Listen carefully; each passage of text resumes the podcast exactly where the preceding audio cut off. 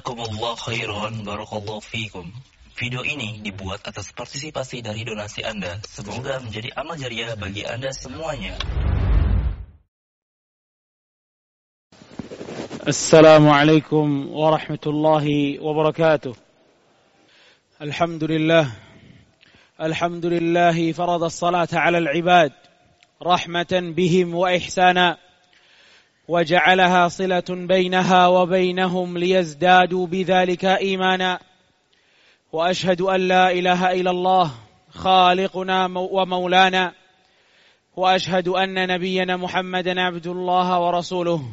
جعل الله قرة عينه في الصلاة فضلا ورضوانا. صلى الله وسلم وبارك عليه وعلى آله وأصحابه أجمعين. وعلى التابعين لهم بإحسان إلى يوم الدين. أما بعد قال تعالى يا أيها الذين آمنوا اتقوا الله حق تقاته ولا تموتن إلا وأنتم مسلمون. وقال تعالى يا أيها الناس اعبدوا ربكم الذي خلقكم من نفس واحدة وخلق منها زوجها وبث منهما وبث منهما رجالا كثيرا ونساء. واتقوا الله واتقوا الله الذي تساءلون به والأرحام. إن الله كان عليكم رقيبا. وقال تعالى يا أيها الذين آمنوا اتقوا الله وقولوا قولا سديدا. يصلح لكم أعمالكم ويغفر لكم ذنوبكم. ومن يطع الله ورسوله فقد فاز فوزا عظيما. أما بعد فإن أصدق الحديث كتاب الله وخير الهدى هدى محمد صلى الله عليه وسلم وشر الأمور محدثاتها وكل محدثة بدعة وكل بدعة ضلالة وكل ضلالة في النار. أما بعد أيها الإخوة الكرام أعزكم الله. Jamaah salat Jumat Masjid Al-Mubarak yang semoga senantiasa diberikan keberkahan oleh Allah Jalla wa ala. Salah satu pesan terakhir Nabi kita alaihi salatu wassalam sebelum beliau wafat adalah tentang salat. Rasul sallallahu alaihi wasallam sambil di pangkuan Aisyah, Rasul menyampaikan pesan-pesan terakhir. Rasul mengatakan as-salah, as-salah wa ma malakat aimanukum.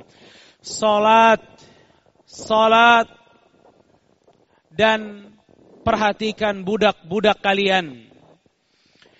Bahkan Umar ibn Khattab radhiyallahu taala anhu di hari di mana beliau menjadi imam waktu sholat subuh, lalu ditusuk oleh Abu Lu'lu'ah.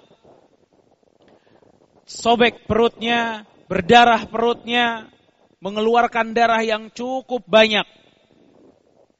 Sampai beliau pingsan, akhirnya seorang sahabat Abdurrahman ibn Auf radhiyallahu anhu menggantikan posisi Umar bin Khattab sebagai imam. Setelah itu sholat selesai dan Umar digotong oleh para sahabat lain untuk masuk ke rumahnya. Begitu Umar sampai di rumah Umar ibn Khattab, belum juga sadar. Karena lukanya yang begitu besar dan mengeluarkan darah yang cukup banyak. Bahkan Ibnu Umar radhiyallahu taala an, salah satu anak Umar ibn Khattab memberikan susu untuk ayahnya namun susunya keluar lagi dari lukanya Umar bin Khattab radhiyallahu taala anhu. Begitu parah lukanya Umar bin Khattab. Namun begitu beliau sadar, beliau terbangun. Maka yang beliau pertama kali tanya adalah, Asalan nas, apakah orang-orang udah sholat?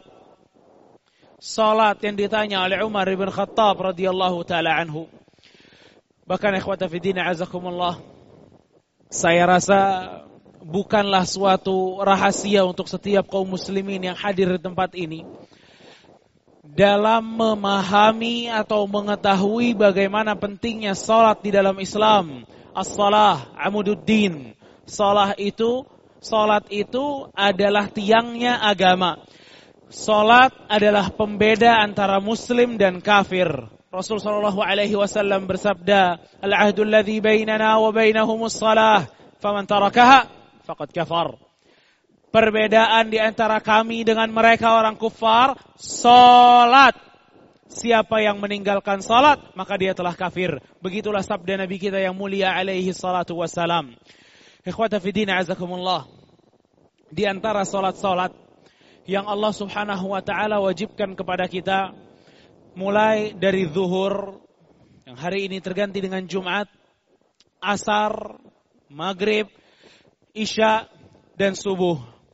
Terdapat satu solat yang seakan dianaktirikan oleh sebagian dari kita. Fala hawla wala quwata illa billah.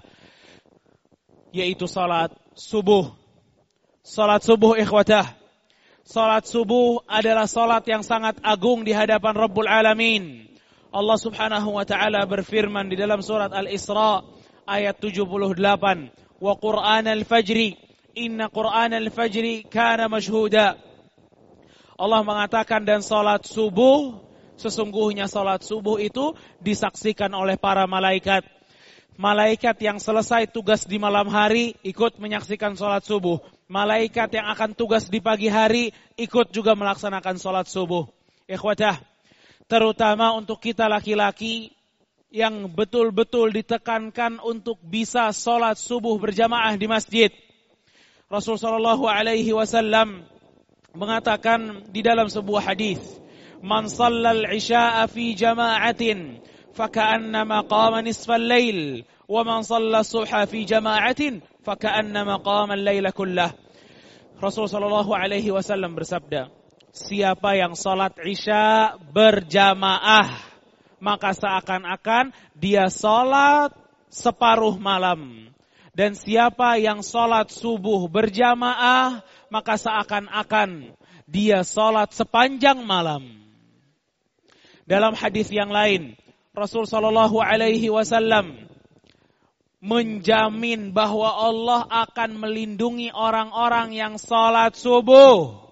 Rasul sallallahu alaihi wasallam bersabda, "Man shalla subha fahuwa fi dhimmatillah, fala yatlibannakumullahu min dhimmatihi bi syai'in, fa in man yatlubuhu min dhimmatihi bi syai'in yudrikuh, thumma yakubbuhu ala wajhihi fi nari jahannam." Kata Rasul sallallahu alaihi wasallam, barang siapa yang salat subuh maka dia berada dalam lindungan Allah. Siapa yang sholat subuh, maka dia berada dalam lindungan Allah. Karenanya, kalau seseorang telah berada di lindungan Allah, maka janganlah kalian ada yang berani mengganggu orang tersebut. Jika kalian berani mengganggu orang tersebut, Allah yang turun tangan menangkapnya lalu, menyungkurkan wajahnya ke nerakanya Allah Subhanahu wa taala. Ikhwatah. Salat subuh ini bukan salat biasa, bukan. Ini salat luar biasa. Salat yang perlu kita taruh perhatian kita begitu besar untuk salat yang satu ini, ikhwatah fidin azakumullah. Bagaimana tidak kita taruh perhatian besar untuk salat subuh. Sedangkan hadis yang diriwayatkan oleh sahabat yang mulia Aisyah radhiyallahu taala anha, beliau mengatakan Rasul ber, Rasul bersabda, "Lau ya'lamun nas ma fin nida'i wa saffil awwali, thumma lam yajidu ila an yastahimu lastahamu." Kata alaihi wasallam, kalau seseorang itu tahu apa yang ada dalam keistimewaan azan dan soft pertama, maka mereka kalau harus diundi kami mau ikut undiannya agar bisa menempati soft pertama. Rasul kembali mengatakan, walau ya'lamuna ma fit tahjir. Dan Rasul Shallallahu alaihi wasallam mengatakan, dan siapa yang mengetahui kebaikan yang terdapat dalam bersegera menuju sholat, niscaya mereka akan berlomba-lomba untuk mendapatkannya. Dan kata Rasul kita alaihi salatu wassalam, Lau ya'lamun ma fi salatil isya'i wa salatil fajri la atauhuma walau habwa. Kalau orang-orang tahu bagaimana keistimewaan sholat isya berjamaah, subuh berjamaah, mereka rela datang walaupun harus merangkak. Ikhwata fiddin azakumullah. Salat subuh ini salat yang paling istimewa. Namun bisa kita lihat di masjid. Kalau Jumat jangan ditanya penuh. Maghrib penuh. Isya juga masih penuh. Tapi urusan subuh di situlah terlihat mereka orang-orang yang mampu menjaga salatnya dan orang-orang yang lalai dalam salatnya. Bahkan ikhwata fidin azakumullah. Rasul kita alaihi salatu wassalam beliau mengatakan inna afqala salati 'alal munafiqin sesungguhnya salat yang paling berat dilaksanakan orang-orang munafik itu salat Isya dan salat subuh walau ya'lamuna ma fihi ma la atauhuma walau habwa kalau aja mereka tahu apa yang ada di dalam salat subuh berjamaah dan salat Isya berjamaah maka mereka akan datang walaupun dengan merangkak dan kata Rasul alaihi salatu wassalam para laki-laki yang berada di masjid ini. Ini perkataan Rasul alaihi salatu wasalam patut kita renungkan. Rasul mengatakan, "Walaqad hamamtu an amura bis salati fatuqam." Aku ingin begitu komat dilaksanakan, aku ingin memerintahkan salah seorang sahabat maju jadi imam. Lalu di mana Rasul SAW? Thumma umira rajulan fayusalli bin nas, Thuman talaqa ma'i. Kemudian aku pergi bersama dengan beberapa orang.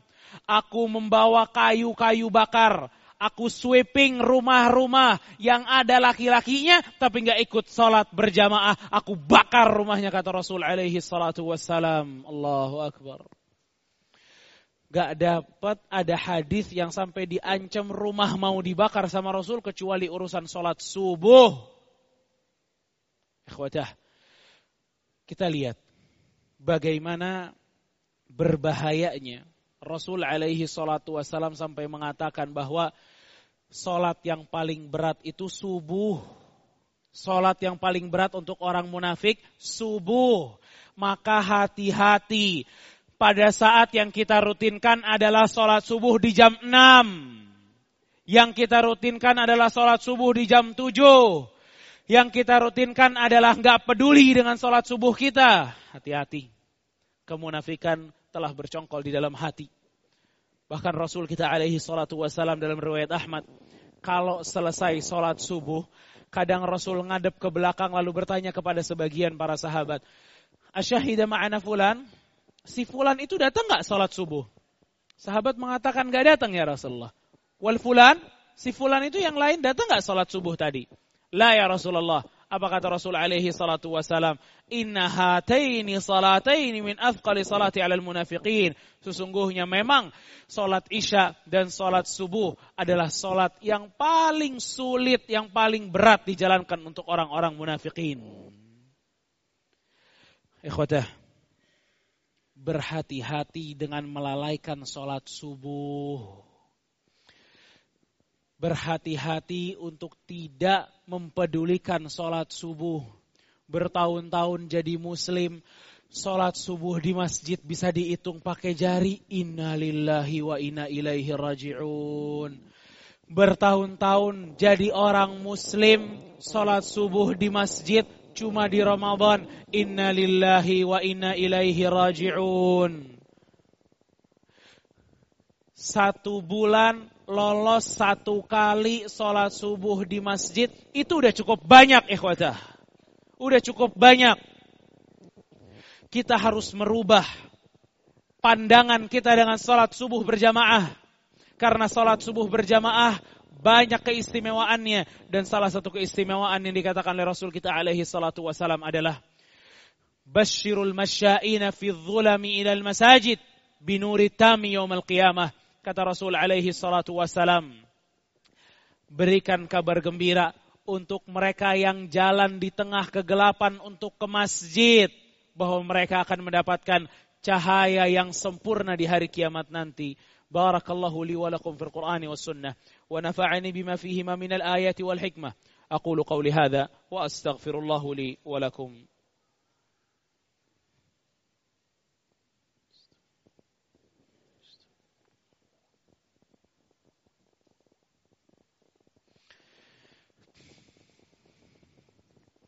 الحمد لله.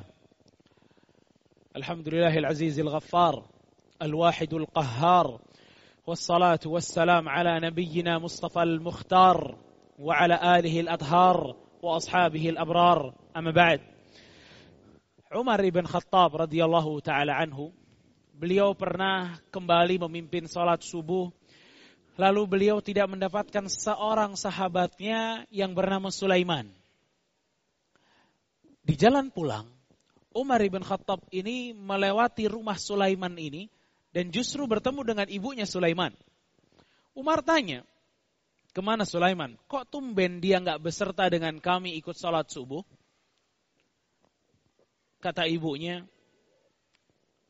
Sulaiman tadi malam bangun sholat malam, bangun tahajud, sholat, sholat, sholat, begitu mendekati waktu subuh kecapean gara-gara sholat lalu akhirnya ketiduran dan luputlah sholat subuh berjamaah di masjid kata ibunya.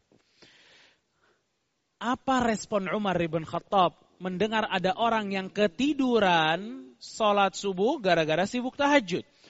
Kata Umar ibn Khattab radhiyallahu taala anhu, "Wallah demi Allah, lebih baik nggak sholat tahajud kalau harus luput sholat subuh berjamaah. Lebih baik nggak sholat tahajud kalau harus luput sholat subuh berjamaah. Ikhwata fiddin azakumullah. Umar ibn Khattab mengatakan lebih baik nggak sholat tahajud. Kalau dengan tahajud luput sholat subuh di masjid. Lalu kira-kira kalau Umar ngelihat adanya anak-anak muda yang sibuk nonton bola, setelah subuh, sebelum subuh, dia tidur. Dan akhirnya sholat subuhnya di jam 7 pagi, jam 8 pagi. Fala hawla wala quwata illa billah. Apa yang akan dikatakan oleh Umar ibn Khattab? Jika Umar mengetahui ada orang-orang tua sibuknya nongkrong sampai pagi, jam 3, jam 4 dikit lagi mau subuh, tidur. Kelewatan sholat subuhnya. Apa yang akan dikatakan oleh Umar bin Khattab radhiyallahu taala anhu jika melihat adanya manusia-manusia seperti itu yang kelewatan sholat subuhnya bukan tahajud, tapi hal-hal dunia yang nggak penting. Namun pertanyaan sejatinya adalah apa yang akan dikatakan oleh mereka orang yang sibuk dengan dunianya, luput salat subuhnya, apa yang akan mereka katakan di hadapan Allah Subhanahu wa taala? Padahal yang pertama kali Allah akan hisab adalah salat. Rasul sallallahu alaihi wasallam bersabda, "Awwalu ma yuhasabu bihil abdu yaumal qiyamati salah." Pertama kali yang akan dihisap ditanya sama Allah salat. Kalau salatnya baik, indikasi bahwa yang lain akan baik. Tapi kalau sholatnya udah buruk, itu indikasi bahwa yang lainnya lebih buruk. Maka ikhwata fiddin azakumullah, sholat subuh. Sholat subuh berjamaah di masjid harus menjadi rutinitas seorang muslim. Allah subhanahu wa ta'ala berfirman, Inna allaha wa malaikatahu yusalluna ala nabi. Ya ayuhalladzina amanu sallu alaihi wa sallimu taslima. وقال صلى الله عليه وسلم من صلى علي صلاة واحدة صلى الله عليها بها أشرا فأصلي وأسلم على سيدنا وحبيبنا ومولانا محمد بن عبد الله وعلى آله وصحبه أجمعين. اللهم اغفر للمسلمين والمسلمات والمؤمنين والمؤمنات الأحياء منهم والأموات. إنك قريب مجيب الدعوات يا قاضي الحاجات. اللهم أعز الإسلام والمسلمين. اللهم أعز الإسلام والمسلمين. اللهم أعز الإسلام والمسلمين ودمر اللهم أعداءك أعداء الدين. يا رب العالمين. اللهم أصلح ولاة أمورنا. اللهم أصلح ولاة أمورنا. اللهم أصلح ولاة أمورنا يا ذا الجلال والإكرام. يا حي يا قيوم برحمتك نستغيث. أصلح لنا شأننا كله ولا تكلنا إلى أنفسنا طرفة عين. اللهم ارفع عنا هذا الوباء اللهم ارفع عنا هذا الوباء. اللهم ارفع عنا هذا الوباء يا ذا الجلال والإكرام. اللهم اشفي مرضانا ومرضى المسلمين. اللهم اشفي مرضانا ومرضى المسلمين. اللهم اشفي مرضانا ومرضى المسلمين يا ذا الجلال والإكرام. ربنا آتنا في الدنيا حسنة وفي الآخرة حسنة وقنا عذاب النار. وصلى الله على نبينا محمد وعلى آله وصحبه أجمعين. وآخر دعوانا عن الحمد لله رب العالمين